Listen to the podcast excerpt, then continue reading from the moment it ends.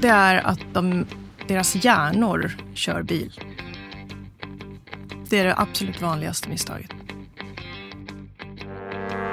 Ja, det är nästan så att vi skulle kunna döpa om dagens avsnitt av Båtlivspodden till Relationspodden. Men vi ska inte göra det. Men det kommer en hel del bra tips och vår gäst tror jag faktiskt har räddat ett och annat eh, äktenskap som lite satts på grund efter stökiga båtsituationer. Jag pratar om Maria Laner som är grundare av företaget Neptunia som erbjuder båtcoachning. Hon är liksom som en PT för folk som vill lära sig att köra båt och känna sig mer komfortabla i det.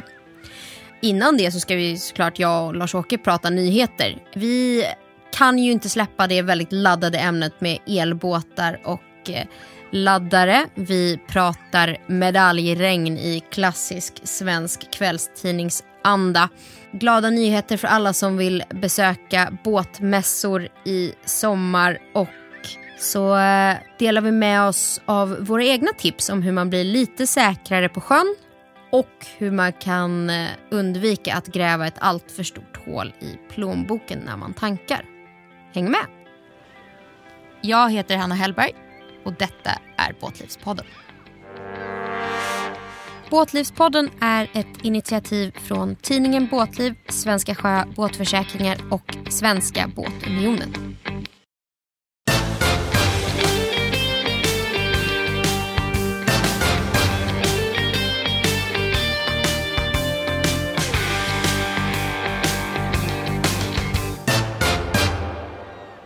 Hej Lars-Åke! Hallå Hanna! Har du gått in i full semestermode ännu? Inte alls, tvärtom. Jag är ute och gör reportage på sjön, så jag var ute på eh, Mälaren förra veckan och ska på lite andra platser den här veckan. Men därefter ska jag till västkusten och ut på sjön privat istället. Ändå bästa sortens semester tycker jag. Mm, det är härligt. Men innan du får gå på lite välförtjänt vila så har vi ju massa nyheter att avhandla. Båtmässor kommer massor i sommar. Äntligen får vi ha mässor. Precis, det är verkligen dags för detta här nu. Under pandemin så var det ju nedstängt precis allting och det var ju faktiskt så illa så att eh, pandemin gjorde att allt för sjön, Stockholms inomhusbåtmässa, stängdes ner mitt under pågående mässa. Det var ett av de första arrangemangen som drabbades. Men nu är båtmässorna tillbaka och det börjar då med flytande båtmässor lämpligt nog.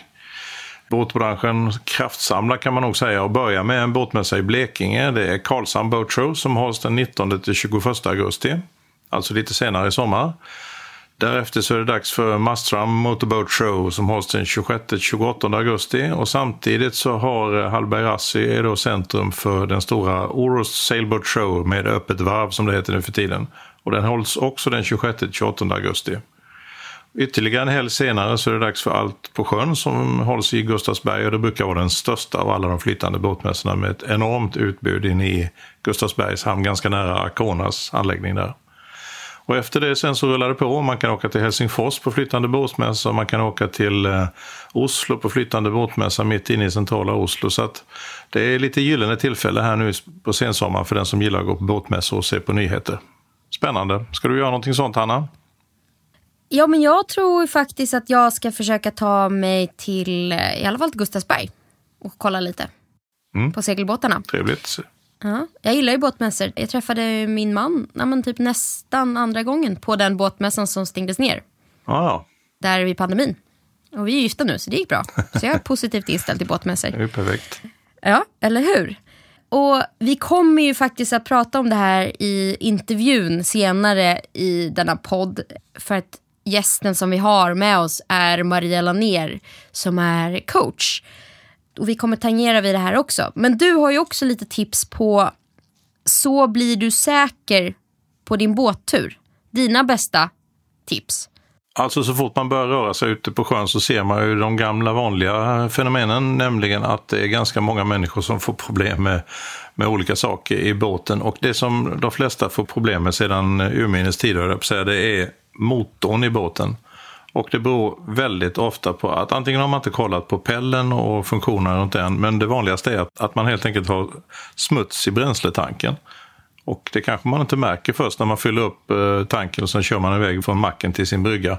Men när man sticker iväg på semester sen så börjar det där skvalpa runt lite grann och då så sätter sig antingen så kommer det lite smuts in i något filter eller så kommer det vatten in i filtret. Och man kan också ha oturen som vi hade förra veckan att man få bensin då med, som innehåller lite vatten ifrån macken. Så att vi fick tillbringa, jag och min kollega, några timmar med att ligga och tömma filter på sjön där ja, mindre kul. Men det gick vidare och man kan ju göra det mesta egentligen om man bara listar ut vad det är man ska göra. Så att grundtipsen är att man ska lära känna sin båt, man ska gärna ha lite utbildning när man sticker ut på sjön och att man ska ha rätt utrustning med sig. Man behöver inte ha för mycket men rätt utrustning och gärna någonting att kunna kommunicera också med. Ja, och det kan vara både radio men också en väl laddad mobiltelefon. Så då slänger jag till att eh, se till att ha en laddad powerbank extra och den ska inte gå till att eh, spela Candy Crush för kidsen utan den ska vara ifall det händer någonting så att man alltid är säker på att man kan ringa till exempel sjöräddningen. Ja, bra tips. Ja. Från det ena till det andra. På sommaren så finns det ju enormt många fina Instagram moments på havet.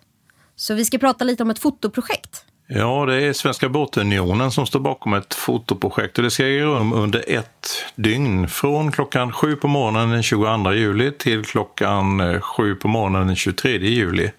Och då ska det vara en dokumentation av hela båtlivet i Sverige på sociala medier. Det finns en speciell hashtag som heter Livet i båtlivet. Alltså hashtag livet i båtlivet. Och syftet med hela det här är att samla in en ögonblicksbild av båtlivet i Sverige sommaren 2022. Det kan vara segling i vackert väder eller ruskiga regnskurar, regnbågar, motorer som trasslar eller vad som helst. Och det här görs tillsammans med då Svenska Båtunionen, Båtmässan i Göteborg och Båtmässan Allt för sjön i Stockholm. Sen kommer en jury välja ut de bästa bilderna med just den här hashtaggen Livet i båtlivet och då kan den som har tagit de bästa bilderna kan vinna fribiljetter till båtmässorna så att båtmässorna kommer tillbaka även här. Det var kul. Ja men verkligen. Och där får vi säga att man behöver inte begränsa sig. Man kan ju lägga upp fler bilder. Absolut. Här gäller det att plåta på. Ja, verkligen.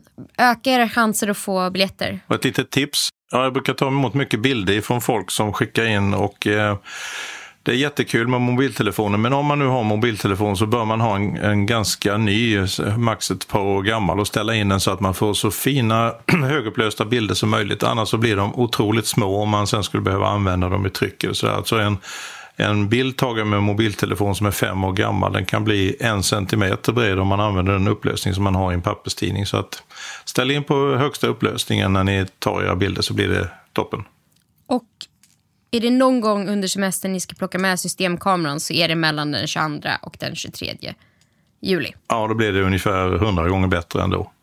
Ja. Mm. Tips från oss mediarävar här. Högupplöst gillar vi när vi ska trycka. Det känns som att vi inte kan ta oss igenom ett avsnitt av Båtlivspodden utan att prata elbåtar eller något elbåts anhörigt, höll jag på att säga. Det är absolut inte en korrekt formulering, men mm. superladdare till båtar. Det är ju ett laddat ämne om man får uttrycka så, så det gäller att hålla ångan uppe här. eh, nu börjar det komma in lite fler rapporter här om sådana här så kallade superladdare, alltså laddare som kan skicka in väldigt mycket ström under kort tid i batterier. Och de finns nu även för båtar. Den första som jag tror installeras i Sverige finns i Dockans marina i Malmö. Det var en riktig superladdare. Men så finns det ett företag som heter Aqua Superpower. De tillverkar de här snabbladdarna och de har installerat en sån här snabbladdare på Lyckans Slip Marina på västkusten. Så nu finns det även där. Och en sån laddare är på gång även i Stockholm som vi sa i förra avsnittet. Men där är tidpunkten lite mer oklar. Alltså finessen med en snabbladdare är att man kan ladda upp eh, båtens batteri ungefär som i en elbil på mellan 20 och 90 minuter så får man full räckvidd igen. Och det, det behövs ju. Man kan ju inte ligga och vänta ett dygn alla gånger som det blir om man har 10 amperes säkringar och sådär. Nej. Ja, men det är perfekt. Då tajmar man det när man käkar lunch eller tar glasspaus. Ja, visst. Fika lite. Så det är väl ett beteendemönster man lär sig helt enkelt hur man ska hantera den där tiden. Och då är det nog inget problem om man bara kommer in i rätt saker. Nej. 90 minuter är ändå hanterbart. Det är jobbigare det här med att planera in ett dygn för att ladda båten. Mm, precis. Och jag kan verkligen förstå att elbåt känns mer och mer lockande.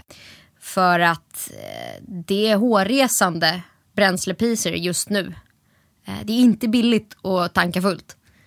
Nej, det är otroligt dyrt. Jag har en mm, person i vår båtklubb här hemma i Karlskrona. Han har varit uppe och vänt i Lofoten med sin båt här nu på semestern på försommaren och han rapporterade häromdagen, då hade han kört 2800 sjömil. Man kan ju tänka vad som har hänt med hans eh, bränslekonto. Det måste vara ganska häftigt. Han har dessutom två dieselmotorer i sin båt så att det är nog ganska maffig kostnad om man får säga så. Ja, men man får ju hoppas att han har eh, försökt med det här eco-driving. För det finns ju faktiskt möjligheter att köra bränslesnålare. Så att man kommer längre på en tank. Ja, absolut det gör det och det gör en ganska stor skillnad. Om man lär sig att trimma sin båt rätt, som ni kanske ska prata med Maria Lanér med och som man egentligen får lära sig med alla båtar. Det gäller alla planande båtar ifrån små till eh, väldigt stora så gäller det ju att få upp dem i planing som det heter och min egen erfarenhet är att man ska köra betydligt snabbare med en planande båt än vad många tror. Alltså, har man dieselmotor i båten brukar man säga att man ska slå av 10% på varvtalet. Det betyder att om en båt gör 35 knop toppfart så kanske marschfarten är 30-31 knop. Den är inte 20 för då hänger häcken på båten ner i sjön. Då får man längre vattenlinje och båten drar mer bränsle. Utan här gäller det att komma upp i vattnet och ha så liten våt yta som möjligt att köra på. Det är ett bra grundtips. Och har man en långsam båt, en segelbåt eller snipa eller vad som helst, så gäller det ju inte att trycka på med gasen för mycket, utan då känner man ju liksom båtens eh, ideala gångläge, om man ska säga, när den går lite lätt i vattnet. Det är svårt att förklara, men det är en känsla som man får där. Och eh, I princip är det ju så att en båt som har fem meter vattenlinje har den här farten ungefär fem knop då, så att det följer vattenlinjen i längden. Inte exakt så, men ungefär det bör man ha som riktmärke. Man ska alltså inte ligga och gasa och trycka ner häcken i vattnet för då bara eldar man upp soppa och förstör miljön och det drar en massa onödigt bränsle. Det är bara grundregel. Och på tal om planering då så ska man ju planera sitt liv så att det är faktiskt inte så stor skillnad på att köra fem eller sju knop. Ska du 20 knop någon dag så kanske det tar liksom en timme kortare eller längre. På semestern så ska man unna sig och ta det lite lugnt och försiktigt. Ja visst, tycker jag också. Och att vara på sjön är ju en del av upplevelsen. Det gäller ju inte bara att komma fram till nästa punkt så snabbt som möjligt utan ta och njut av stunden ute på sjön. Även om du har en snabb båt så går det ju att köra långsamt med den också och titta sig omkring lite grann och njuta. Ja, Sen är det väl det här med den svenska lagomheten. Nu gör jag en spaning här, men jag tror att det här med att du säger att man vill långsamma båtar vill man köra lite för fort och snabba båtar vill man marscha lite för långsamt. Man, man har ju en upplevd fart som känns lagom. Eh, och jag kan förstå att 30 knop på havet känns ganska eh, fort. Men då kan jag tipsa om att man vänjer sig och att det finns eh, kurser som handlar just om höghastighetsnavigering och att bli bekväm med de farterna. Så det är då mitt tips att man kan gå eh, höghastighetsnavkurser. Och det är inte bara för att man ska köra 60 knop i en ribbåt utan det är ganska värdefullt i att lära sig hur man kör sin vanliga båt i 25-30 knop i skärgården. Ja, verkligen. Och att hur man uppför sig på sjön det är ju en annan eh, grundsak. Att man ska ta hänsyn och försöka vara hjälpsam och så vidare. Och framförallt om man kör lite större båt, titta bakåt. Vad är det som händer runt omkring? Om jag kör genom ett sund och eldar på för fullt där, vad händer med den sjön, alltså vågorna som jag drar upp? Det är kanske bättre att jag drar ner och kör 4-5 knop och kan visa mig där igen än att jag folk börjar ropa på VF-radion efter sjöpolisen. Vad är det för buse som kör omkring här? Utan använd eh, sunt förnuft och se dig omkring. Vad är det jag förorsakar med min båt? Så blir alla mm. glada och kan njuta på sjön. Ja, och släppa svall i tid kan man säga. Att eh, sakta ner innan ett sund, inte när du väl är i. För att vågorna kommer ju som efteråt. Ja, precis, man vill göra så lite svall som möjligt. I USA så finns det på många platser mycket bättre skyltning tycker jag än vad det gör i Sverige. Där står det No Waves helt enkelt. Och då spelar det ingen roll om man kör i 4 eller 15 knop, utan det gäller att skapa så lite svall som möjligt. En bra grundregel. En bra grundregel. Mm. Eh, medaljregn över segling-Sverige. Vi eh, har haft två stora mästerskap som har avgjorts bara senaste veckan. Och Det ena är i eh, OS-klassen 49er FX. Där fick vi ett svenskt eh, e EM-silver till Vilma Bobeck och Rebecca Netzler. Och jag som eh, seglare tycker det här är otroligt spännande för att de tjejerna gör sin första säsong i den här båten tillsammans. Det är en OS-klass som är extremt hårt konkurrensutsatt och ingen av dem kvalade till OS i Tokyo men satsar nu mot Paris 2024 och det går otroligt bra efter väldigt kort tid. Så jag tycker att det är otroligt spännande att se deras eh, framfart. Um, och har man inte sett en 49er segla så kanske man inte köper ordet framfart. Men youtuba 49er heavy weather så kommer ni se. De har väldigt mycket segel uppe va? Ja, framförallt det är en typ av båt som heter eh, skiffbåt. Så skrovet är väldigt litet och sen har den vingar som man står både ute i trapets. Så att det är nästan som att åka på en liten surfbräda med extremt mycket segel på. Mm, häftigt. Ja. Eh, så 49er. FX heter tjejbåten. Eller man har lite mindre rigg om man är för de kvinnliga seglarna. Sen har vi avslutat Gotland runt och det var ju VM i double-handed och där blev det två svenska guldmedaljer faktiskt.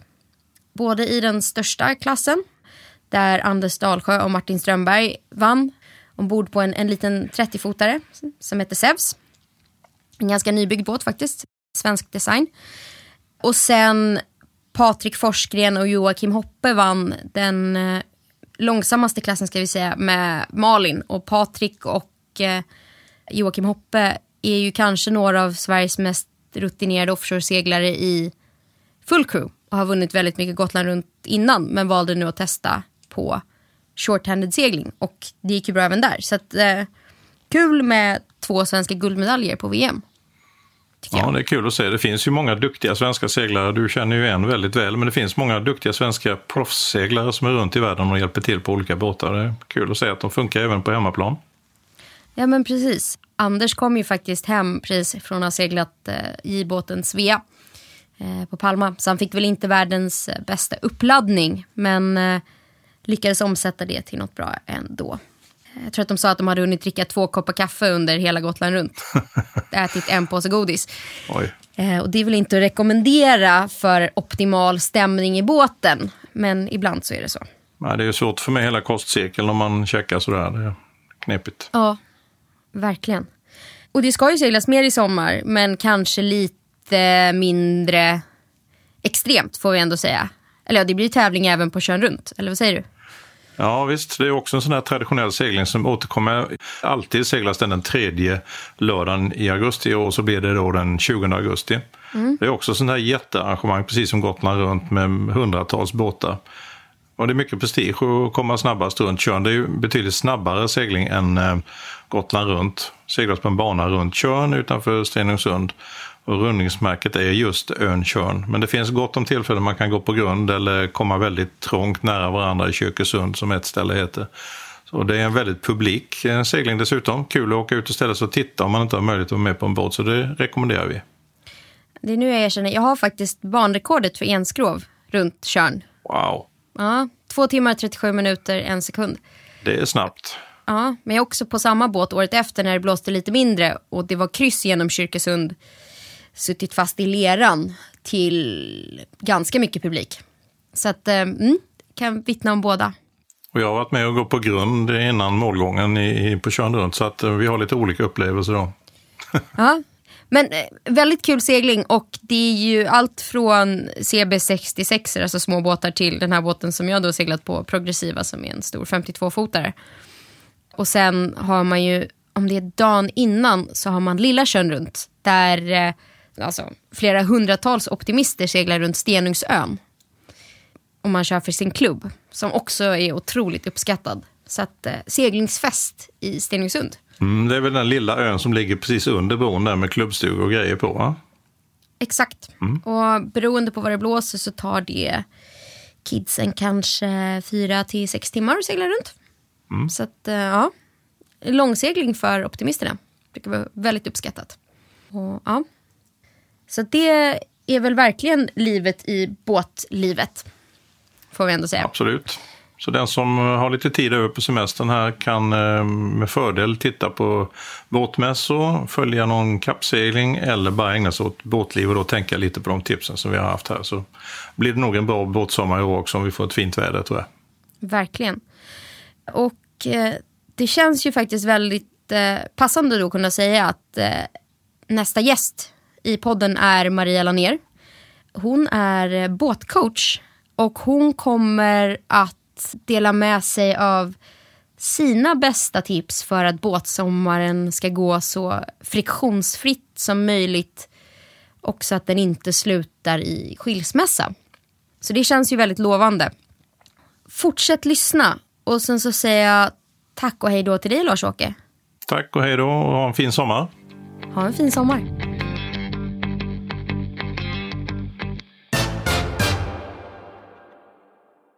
Vad är det vanligaste misstaget folk begår på sjön? Det är att de, deras hjärnor kör bil. Att hjärnan kör bil? Mm. Det är det absolut vanligaste misstaget. Hur gör hjärnan när den kör bil då? Det är precis det som är grejen. Därför att många har inte ens tänkt på att vi har en eh, robot i huvudet som har gjort på ett visst sätt med händerna och med fötterna på ratten och eh, reglaget eh, eller växeln på bilen så många gånger under så många år. Så att den sitter och gör en massa saker omedvetet och det tar man med sig i motorbåten när den ser ungefär likadan ut.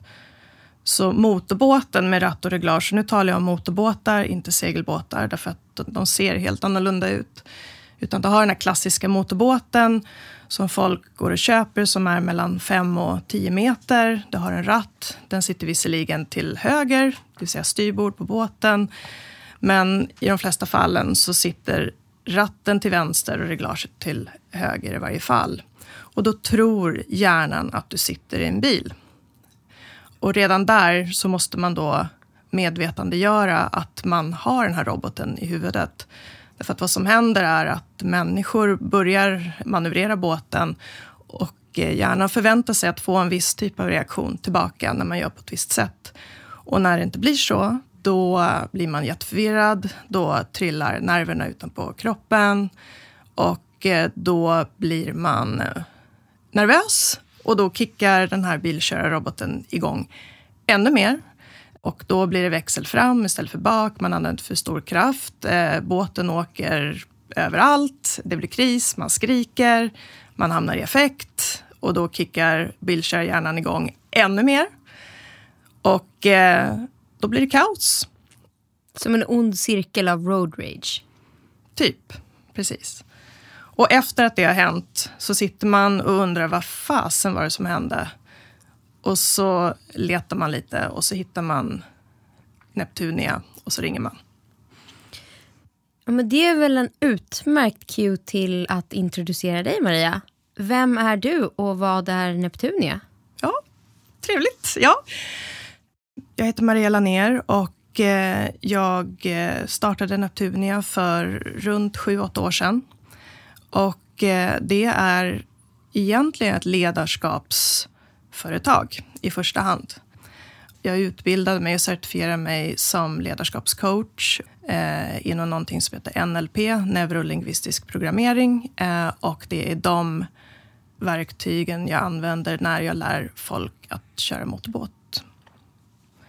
Så Neptunia erbjuder det är motorbåtsmanövrering. Eh, vi är flera coacher och många jobbar även i segelbåt. Men vi seglar inte, utan då handlar det om att folk hör av sig och vill lära sig att manövrera en eh, segelbåt med motor i en trång hamn.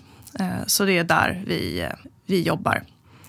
Och jag är ganska noga med att säga att det handlar om coachning, eh, inte instruktioner. Vi är coacher alla har eh, någon form av certifiering eller utbildning inom KBT, NLP, såna UGL-kurser, eh, ledarskapskurser. Just för att man måste fånga upp kunder på ett visst sätt i båten. Så inte instruktörer men coacher säger du? Precis. Och jag skulle säga att det är där vi har en riktigt, riktigt bra och unik kompetens allihopa. Och eh, när jag rekryterar coacher så är jag väldigt noga med att de har den erfarenheten. Och det räcker inte med att ha klass 8 och navigationen och manövreringen och eh, att man är uppvuxen tre generationer och har kört alla båtar och helst snabbt och varit med i Pokerun. Utan eh, det handlar om hur väl du kan läsa och vända en person ifrån ett minus 10 sinnestillstånd till ett plus tre eller fyra när de har försökt tre eller fyra gånger och man märker att deras sinnestillstånd dippar så pass mycket så att de nästan ger upp och blir passiva. Så där har vi också en ganska bra definition på våra kunder och det är de som är ofrivilligt passiva i familjens motorbåt. Ofrivilligt passiva. Det är intressant att du plockar upp det för det här har kommit upp i två av våra tidigare poddavsnitt och vi har bara gjort fem hittills. Eh, både polisen Rino Karlsson och Gurra Krantz sa det att eh, kompetens och ett lugn är det bästa man kan ge sina medåkare. För att skulle någonting hända dig som primärkapten så är det någon annan som kommer behöva rätta skutan. Hjälper ni de som är de här då potentiella, de som måste rätta skutan ifall någonting hade hänt? Ja, det är det definitivt. Och samtidigt så är det, det är rätt intressant det här med eh, att vilja någonting och att inte vilja någonting. Och där har du ju också då många olika typer av terapier och eh, coachingtekniker som funkar bra ibland och mindre bra ibland. Och eh, i det fall där vi får en kund som köper en kurs till sin fru som tycker att hon ska vilja någonting. Då märker jag det på tre sekunder. Jag behöver inte ens kliva ner i båten. Jag ser det på bryggan tio meter bort att hon vill inte. Och då är hon frivilligt passiv. Och då brukar jag vara tydlig med att eh, tala om att min kund som coach, det är den som följer med i båten och ska bli coachad. Och är det då så att jag har en annan som står kvar på bryggan, som tycker att den här personen jag ska coacha ska vilja det här sen, så kan jag säga att det kan jag aldrig leverera. Jag kan aldrig garantera att någon annan ska vilja någonting om de inte vill. Men är det då så att det är ett par där eh, en har väldigt stor sjövana och den andra vill lära sig, då brukar jag alltid säga att kom med båda två. Därför att då får ni mentala coachningverktyg båda två för att coacha varandra i det här. Så de första åren som jag körde verksamheten, då var det väldigt fokuserat på framförallt kvinnor. För att då såg det ut så. Eh, men allt eftersom så... Eh, dels så tycker jag att trenden har liksom förändrats. Det ser betydligt mer annorlunda ut på sjön. I varje fall motorbåtsvärlden som jag ser idag. Det är jättestor skillnad. Men jag försöker också alltid att ta med paret om det är så att de har en gemensam målbild för vad de vill med motorbåten. Eh, så ett uppdrag börjar alltid med det. Jag vill veta vad det är för båt, var den ligger och vad det är de känner att de vill eh, övelträna på mest. Och då hör man i språket vad deras målbild är. Låter det så här då att jag men jag, vi har ju den här båten ihop, men jag vill ut med mina kompisar, och jag vill kunna ta ut barnen och jag vill kunna lägga till själv och, och hela den biten. Då är det jättetydligt att ja, men då, då är det en person som vill ut. Eh, därför att det är målbilden. Och då brukar jag fråga vidare, kanske det då är några kompisar som vill följa med på det här, om ni ändå ska vara fler i båten. Låter det så här att ja, men vi har köpt den här båten och vi vill kunna åka ut med hela familjen och vi är alltid fyra stycken, men eh, han kan jättemycket eh, och jag kan ingenting. Ja, men då följ med allihopa. Kanske inte alla barn, det beror lite på ålder. Men ibland så, igen, jag lyssnar otroligt mycket på, och det gör vi allihopa, alla coacher att målbilden och viljan, det är den som styr upplägget. Så man börjar med det, precis som en elitidrottare. Du börjar med en målbild och sen ser du till att eh, du checkar av att det har blivit så efter fyra timmar. Så upplägget är faktiskt eh, bara fyra timmar. Fyra timmar, ingen fortsättningskurs, ingenting? Ibland så hör folk av sig. Men poängen med Neptunias pedagogik är att man inte ska behöva återkomma. och precis, jag har fått mycket sådär frågor om det här från investerare och eh, andra som tycker att men, det här är en så fantastisk idé, du ska skala upp den. Och då tänker jag att ja, det skulle jag kunna göra, men inte så som pedagogiken är upplagd. Därför att den är gjord och designad så att den ska kunna passa in i dessa personers båtliv som ska klämmas in bland yoga och surdegsbröd och resor till Grekland och eh, huset och trädgården och jag menar allt annat. Barnens fotbollsträning, Ja, möten, allt. alltihopa. Och när jag startade Neptunia nu då, för snart åtta år sedan började jag. Eh, på riktigt så var det liksom sex år sedan. Så hade jag ju då tittat på hur andra utbildningar var upplagda. Och då hade jag kommit fram till att ja, men det behövs två helger. Två lördagar och två söndagar. Eh, jag satte igång och testade det här då. Men jag ville då baka in det här med coachning som då egentligen är personlig utveckling, det är mental träning, alltså hur man ska tänka, hur man ska fånga upp de här omedvetna beteendemönstren som alla har och framförallt i motorbåt. Och just det här varför känns det så förvirrat och konstigt när man gör någonting på ett visst sätt. Och eh, när jag då satte igång och testade allt det här så visade det sig ganska snabbt att det, alltså, det gick inte att eh, få den tiden. Två helger, det var varken att hitta bra coacher med ledarskapsutbildning eh, i, i bagaget och framförallt då även erfarenhet av att jobba med människor. Plus då hitta kunder som då är villiga att eh, betala för två hela helger och framförallt tiden. Det, det gick inte att få ihop. Så då började jag se hur jag skulle kunna krympa det här på alla möjliga sätt och göra det i en viss ordning så att det är så otroligt skräddarsytt och anpassat efter varje persons situation.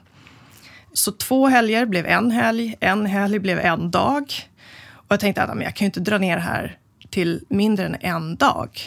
Men till slut så testade jag och det visade sig att om jag gör saker i en viss ordning på ett visst sätt, då trillar poletten ner. Visst, det händer att folk hör av sig igen och vill ha en fortsättning. Men då handlar det ofta om att eh, ja, då har man haft en säsong eller några veckor av att eh, ligga vid gästhamnar och man är otroligt duktig på att lägga till mellan nybommar och långsidestilläggning. Men sen kanske det kommer då en fråga, eller så har det blivit då vad jag kallar ett negativt eh, känslominne, ett eh, känsloankare som vi säger inom coachningvärlden. Att de då de ringer och säger att ah, vi hade ju, det har gått så bra eh, i en månad och sen så kommer vi till Gotland runt, det är Sandhamn och vi blir osams om vi ska lägga oss längst ut eller längst in och vi har en liten båt så vi väljer att åka in och det blir totalt kalabalik och vi backar in i någon annans mooringlina och nu vill vi skiljas. Kom och hjälp oss. Så det är lika delar båtcoachning som relationsterapi? Absolut. Eh, vi är otroligt skickliga båtterapeuter faktiskt. Båtparsterapeuter. Ja. Så egentligen är det inte en dyr båtkurs, det är billig parterapi? ja, det Ja. är det.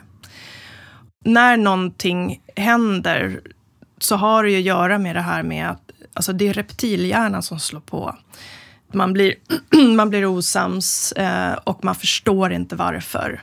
Och då har det ibland också hänt att jag, eh, jag får ta mig ut till en ö eller en brygga och så får man liksom gå igenom exakt vad det där som har hänt och försöka liksom reparera en känslomässig skada.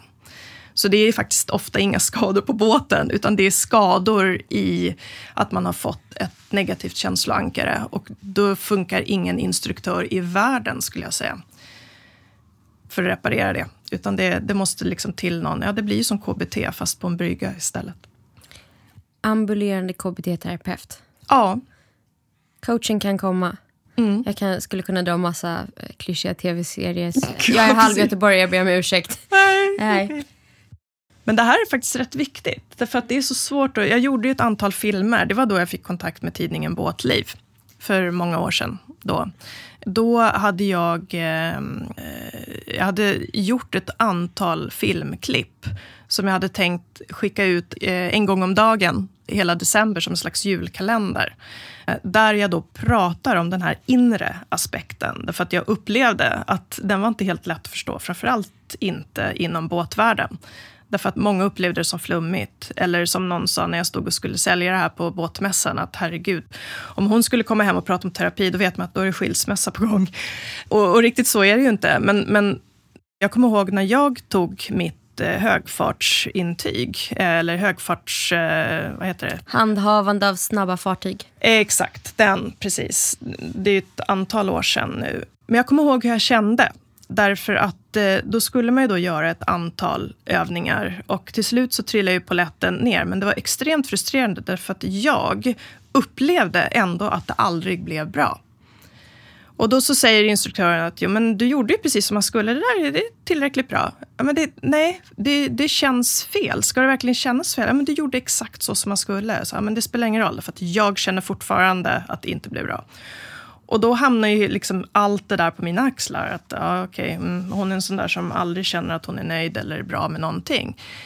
Och jag förstod inte varför. Jag förstod inte varför jag kände så. Men nu vet jag exakt vad det handlar om. Och det är det som du vet, 99,9 procent av alla kunder som hör av sig till oss, det är det de får reda på när de då får coachning av oss. Nu blev jag extremt nyfiken. Vad var det som gick fel under HSFN? Ja, först och främst tog det mig säkert 45 minuter att förstå hur jag skulle backa en åtta runt två bojar. Det, alltså på riktigt, det tog hur lång tid som helst. Och eh, jag förstod fortfarande inte vad det var som hände. Eh, till slut så gick det, men jag förstod inte varför det till slut gick. Och det är det här då, precis, nu kommer vi in i den här balansen om hur mycket man ska liksom läcka och, och, och släppa. För just det här att det är många som erbjuder coachning och eh, många tycker att tre timmar räcker. Och att, ja, det kan det göra. Eh, och det finns ju då vissa manövreringstekniker som vi också lär ut. Eh, och de tror jag är i stort sett de samma, beroende lite på då vad det är för båtmodell och, och situation och, och, så. Men vad jag tror är, igen, unikt för oss är det här med att vi är ju liksom tränade och har otroligt mycket fokus på att se på en person när det klickar när den här manövreringen verkligen kryper ner i varenda nerv på kroppen. När lampan tänds. Ja, och, det är, och jag måste säga att det är faktiskt, jag får nästan så här gåshud, för det är en ynnest. Det, det är det som gör det här arbetet till världens bästa arbete. Det, ja, det är häftigt. Nu ska jag erkänna en sak här. Jag har gått HSFN själv. Eh, jag har jobbat som ribbåtsförare och i och med att jag inte gör det längre så kan jag då erkänna att jag har världens sämsta lokalsinne. Jag, visio speciellt, jag, det klickar aldrig. Jag måste fortfarande kolla när jag kör från stan till Sandhamn. Trots att det är en resa jag har gjort kanske 200 gånger i mitt liv.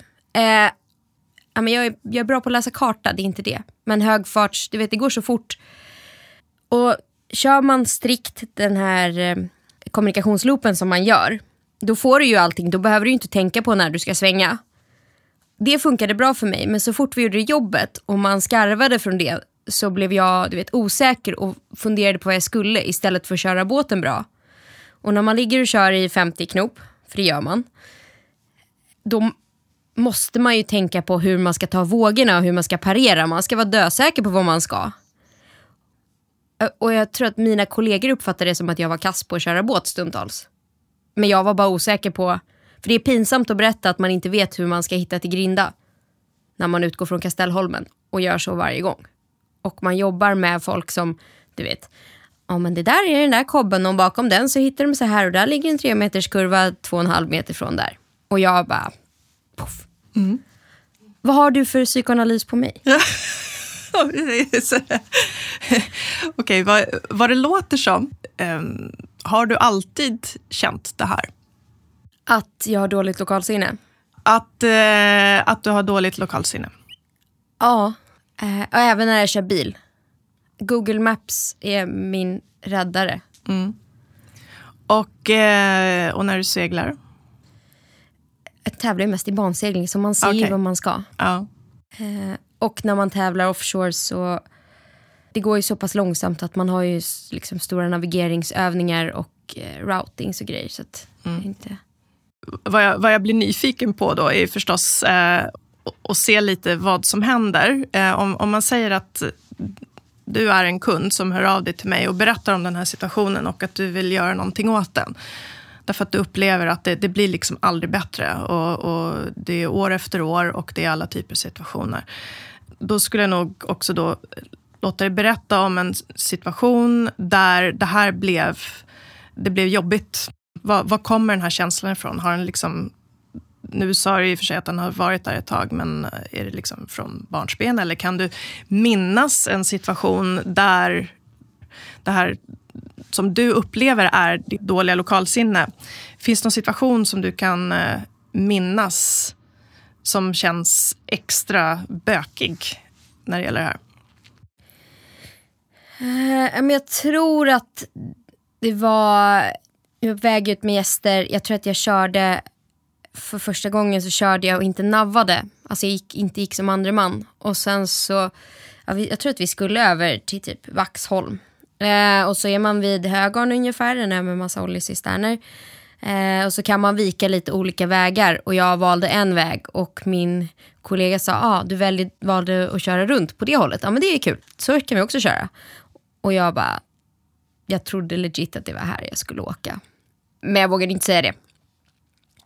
Eh, och då blev jag så här, du vet, tveksam, började dra av och de var så här, är det för att hon är feg, rädd, vågar inte trycka på i båten? Eh, tror jag. Eller det sa de inte, men jag tänkte så.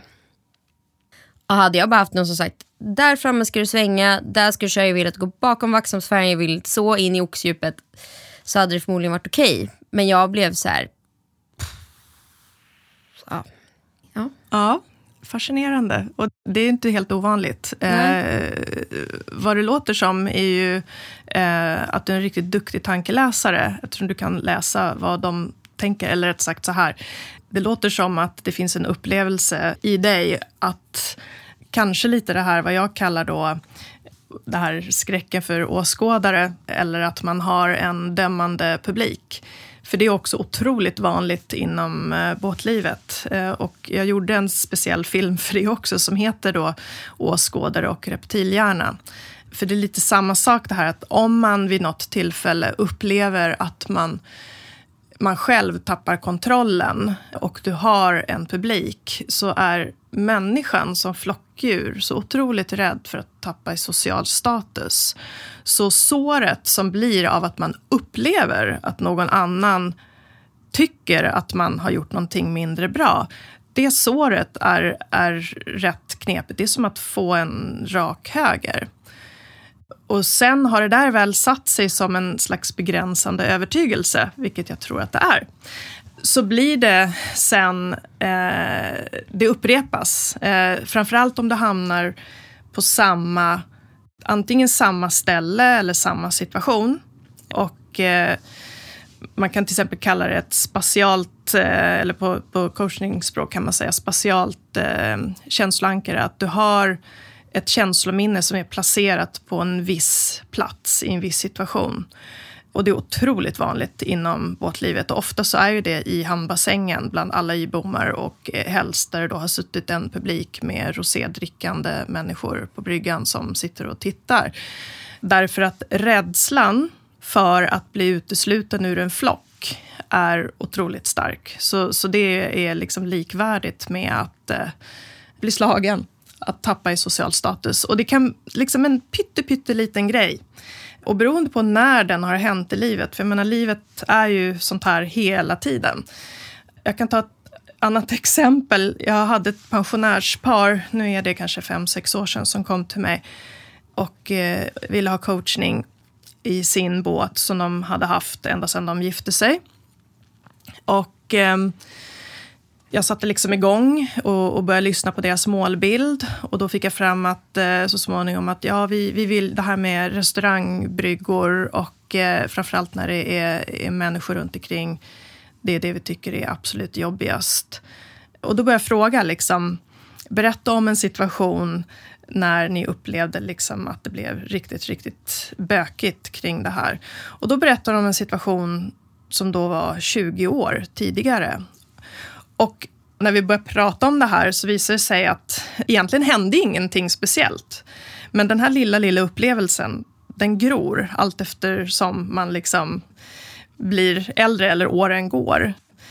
Så till slut så hade det blivit som ett stort mörkt spöke som egentligen inte var någonting. Och eftersom det här då var förknippat med en viss båt, eller rättare sagt en viss plats, så sa jag att då åker vi tillbaka och så gör vi om det här på platsen. Och så ska ni på platsen berätta hur det var för 15 år sedan. Ni kan få eh, återkomma liksom till... Jag tror det var så att eh, de hade väl börjat ryta på varandra. Eh, de trodde att de åkte på någonting, men när de själva verket inte gjorde det.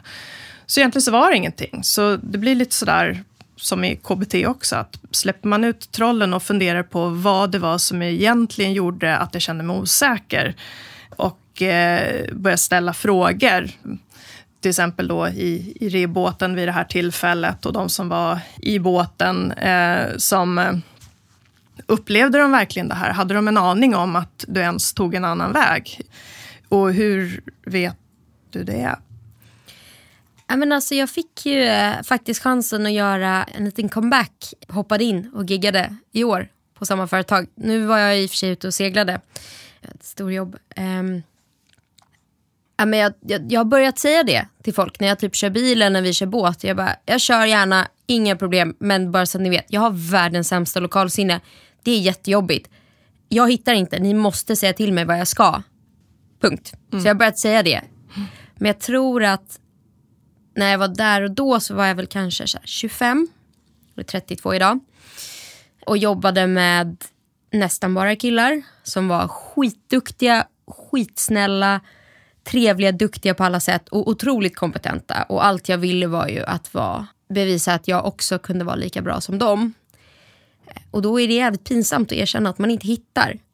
Och hade jag typ sagt det från första dagen, att bara, mm, det här är så. Och så kanske man sagt att men, okay, då kanske du inte kan köra. Då hade jag sagt okej, okej, då får det väl vara så. Men jag gjorde inte det. Men så jag var och gjorde comeback i våras eh, och jobbade. Och jag utsatte mig för sig inte exakt för det här med att köra ribbåt med gäster för att jag var där för att översätta mest. Men eh, det gick bra. Det var skönt att få liksom vända blad där. Mm. Precis, och ett annat sätt som egentligen jag tycker att eh, skolan och samhället borde satsa mer på, det är just det här att man ska lära sig eller få lite fler verktyg för hur man ska tänka kring saker. Jag brukar säga så här att i livet, i alla situationer du någonsin kommer att vara med om, så har du alltid tre val så är du på en situation eller känner på ett visst sätt eller kommer ihåg, eh, för, för ett minne är ju ett minne, det är ju ingenting som är här nu, men ändå så påverkar ju gamla minnen oss hela tiden. Och jag har även också sådana saker, bland annat så, så jag får kämpa när jag ska hålla presentationer. Därför att där har jag från skolan, även om jag nu kan nöta in det och eh, tycka det är okej, okay, men det är ingenting jag älskar att göra. Eh, att stå på scenen och framförallt inte livesändningar, för det, det händer alltid någonting i livesändningar som gör att även jag får såna här att, åh nej, vad sa jag nu? Och oj, vad jobbigt det här var. Och nu, vad ska de tycka nu? Och hon kan ju inte det här alls. Men de här tre valen. Om du är i en situation eller om du har ett eh, minne som påverkar din situation just nu antingen så kan du ju då försöka förändra den här situationen genom att, eh, om man tar ett annat motorbåtsexempel, så, så har många sådana exempel. Att eh, folk då kanske har köpt en, en båt som inte riktigt är den de trivs med att ha. Så de köper en annan modell och känner liksom och tycker att livet ska bli enklare efter det. Samma med en arbetsplats. Om du inte liksom, trivs där du är så kan du alltid försöka förändra den. Alternativ nummer två, eller val nummer två, det är att du tar dig därifrån. Att du hittar en ny arbetsplats eller du hittar en du säljer båten och skaffar en sommarstuga istället. Eller någonting sånt där. Du flyr ifrån platsen helt enkelt. Och val nummer tre, som jag tycker är det absolut viktigaste, men som också kan vara det svåraste, det är att omrama betydelsen av vad en situation eller ett minne betyder. Därför att den makten har vi som våra egna coacher. Och det här är nog det jag eh, använder mest i båtmiljö. Att eh, ställa frågor kring en viss situation för att få den jag ska coacha att omdefiniera och omrama. Alltså att det, minnet är detsamma, men man sätter en annan ram kring det. Och det var precis det du sa nu. Att eh, ja, men om jag gör så här istället, eller kanske och, och där brukar jag som sagt fråga, att fundera på om det är så att när du tänker på det här minnet och det påverkar dig nu fortfarande och det ger en klump i magen.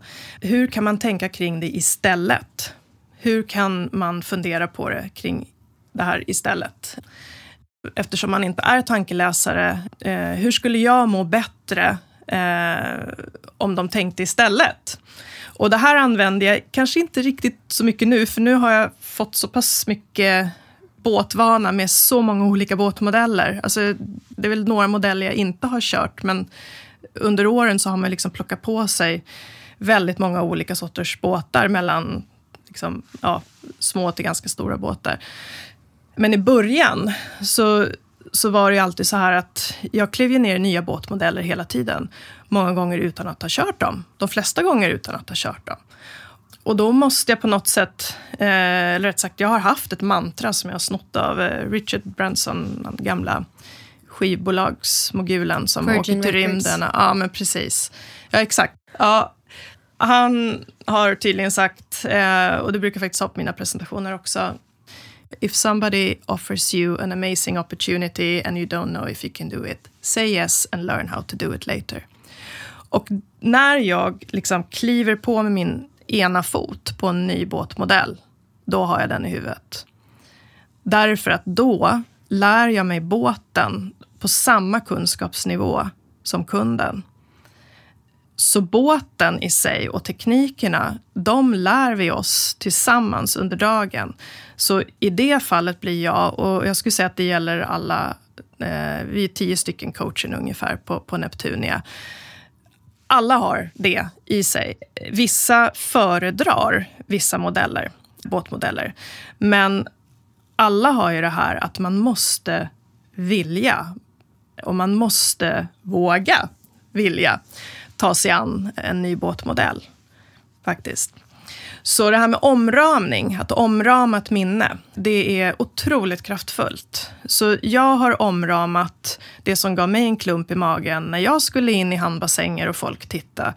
Och det är att ja, jag ser alla de här människorna och eh, jag kan se ibland lite dömande blickar och även om de är jättegulliga och trevliga och eh, de är tre generationers båtmänniskor ser de här blickarna som får mig att bli nervös så tänker jag att okej, okay, jag fattar. De behöver mig just idag för att känna sig lite bättre, liksom få lite bättre självförtroende när de sitter där de sitter. Därför att en kvart tidigare så var de i min situation. Och det har jag också gjort en liten film på. Och där är det här med att vara Alltså underhållning på avstånd. Det är därför vi tycker om eh, alla de här reality-serierna och allting. Att man sitter på bryggan, lugnt och tryggt och säkert, långt borta från det som kändes jättejobbigt för en kvart sedan. Därför att då kan du njuta av saker som är, det, det, har kommit bort ifrån dig. Du är inte associerad med en viss händelse, du är disassocierad. Så du kan ta avstånd och, och då är det väldigt lätt att sitta. Det, det blir lite som en bio faktiskt. Men blir det inte också att man känner att ja, men det finns andra som har det som jag. Så att man känner en tillhörighet och att man är del av en flock som har samma problematik bara kanske. Exakt. Man har tagit sig igenom, alla har kom, undsluppit lejonet på savannen men vid olika tillfällen och kommit till säkerhet. Helt rätt, absolut. Och jag skulle säga att merparten är positivt. Det finns lite annat, men, men de flesta är exakt, det finns ett positivt anslag till det. För även jag blir ju så. Jag har min topp 10-lista och eh, jag tänkte att jag ska, eh, jag ska göra en film på det senare i, i vinter och tala om vad det är. Men just det här med vad bilköraren vill, men vad som i själva verket inte funkar av det i en båt.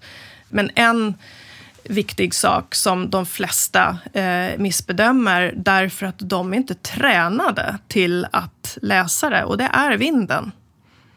Seglare gör det för att maxa vind. Motorbåtsägare, där är det lite tvärtom. Att vinden blir ju som en osynlig tjur du ska fäktas med. Och den ändrar riktning eh, och den är jättejobbig. Och eh, folk kan inte, de, de, man är inte tränad att läsa var vinden kommer ifrån. Och så går de och köper en kabinbåt och så kanske något med flybridge och ingen bok. Med massa vindfång som Ja. fungerar ungefär som en optimistjolle i en hamn. För det är ungefär lika mycket yta i segel, fast i plast. Ja, precis. Och de här amerikanska båtmodeller som är ganska smala för de ska kunna trailas. De är byggda för att man ska kunna backa in då med akten in mot bryggan. Men så funkar inte riktigt Sverige alla gånger. Så då kommer man inte ens fram, för det finns inga skarndäck. Och, eh, och där brukar jag många gånger säga att, alltså vet ni vad? Ska ni in i, mellan era y-bommar eh, och det blåser snett från sidan så får ni ta ner kapellväggarna för annars kommer ni aldrig in här. Nej. Vissa saker går inte att göra någonting åt. Som vinden. Men det har varit ett upplysande samtal hittills. Jag har fått lära mig massor om mig själv och om Neptunia. Men jag tänkte att jag skulle vilja ha ännu lite mer din kunskap. För vi gillar kunskap här i Båtlivspodden. Du är ute mycket i skärgården. Och nu är vi mitt i semestertider. Vad har du för hemliga smultronställen som du gärna besöker under sommaren? Jag är ju en sån här periodare. Eh, jag har ju min båt i eh, Karlbergskanalen här nere. Mm. Och eh, jag brukar slussa ut nu den här nästa vecka. Det blir nog den här veckan, så slussar jag ut. Och sen behåller jag båten där ute i, på Östersjön-sidan i minst en månad. Det brukar bli två månader. Eh, nu blir det lite senare i år än vad det brukar bli. Men smultronställen, först och främst så tycker jag att Mälaren är underskattad. Eh, jag älskar Mälaren. Och jag är ju då inte uppvuxen på sjön. Eh, så eh, skärgården i, i all ära, men, men Mälaren har fantastiska svajvikar eh, som jag gärna åker till. Eh, mitt eh, hemligaste, som nu då inte blir så hemligt längre, men eh, mitt eh, bästa smultronställe i Mälaren är faktiskt norra Munsö. Därför att där ligger Jehanders eh, grustag och det ser rätt intressant ut. Vi var där några dagar efter midsommar i år och nu ligger liksom ett grusberg där som ser ut som uppe i Kiruna. Därför att eh, halva Lovön, de håller ju på att gräva ut där. Så de eh, har, ja, det är ett gigantiskt eh, grusberg. Men där så har de då, eh, där de har grävt, så har de då eh, fyllt på med vatten. Jag vet inte varför det är så klart, men det är alltså kristallklart. Det är turkosklart vatten. Så om du har båt så eh, du behöver en lång ankarlina och gärna brusankare och eh, två långa linor för att på land. För då åker du dit Mälarvägen och så är det som en liten, alltså några fem sex meters gruskulle. Och eh, du kliver över den bara och så kommer du till den här. Så det är som en insjö som kallas Laxviken. Det ser ut som Kroatien. Det är rätt fascinerande. Norra Loven, Laxviken, Eh, Norra Munsö. Norra Munsö, Ja, Munsö. Förlåt. Det är många öar där att hålla reda på. Men precis. Laxviken. Mälarens Kroatien. Ja, Det är smultronstället. ja precis. Mälarens Kroatien. Det är bra. Ja, Ja. vi gillar catchy taglines här i Ja, eller hur? Båtlivspodden. Men skärgården då, där skulle jag säga att eh, jag tycker faktiskt jättemycket om mellanskärgården. Och eh, jag försöker komma till eh, lagunen mellan Stora och Lilla Karlholmen varje år. Okej. För det var en dröm jag fick redan för 30 år sedan. Att en dag ska jag komma hit och lägga till med egen båt. Då båtluffade jag hade tagit en akvarellkurs på Folkuniversitetet. Och eh, kom till Stora Karlholmen och det var helt underbart. Så då tänkte jag att en dag ska jag komma hit och jag ska komma hit själv. Laguntema och en stark gör det själv-anda. Är det så vi sammanfattar? Ja. ja. Om man känner att det här är precis vad mitt båtliv, mitt äktenskap, mitt förhållande behöver denna sommar. Hur får man hjälp av dig eller någon av dina fantastiska kollegor? Det är bara att höra av sig på telefon eller så kan man gå in på hemsidan neptunia.se och eh, boka ett fyra timmars pass. Men det bästa är att eh, ringa på mitt mobilnummer eh, som står på hemsidan.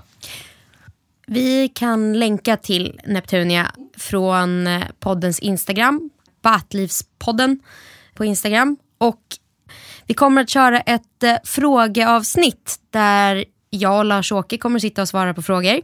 Eh, och vi kommer ta hjälp av de experter som vi känner är nödvändigt. Och ställer man frågor angående coachning kanske vi får höra av oss till Maria. Så hör av er i DM eller på mail, den finns också på Instagram, med era frågor. Så kommer det komma ett eh, frågeavsnitt här framöver. Och med det så säger jag stort tack Maria, det har varit eh, omvälvande. Ja, tack själva, tack, tack, tack. Vi har ju pratat väldigt mycket om sommar och semester i avsnittet av Båtlivspodden. Men eh, vi tar självklart inte semester. Vi kommer tillbaka om två veckor och kommer att följa med dig på semesterns ocean och vara din termos i gryningen. Vi hörs om två veckor.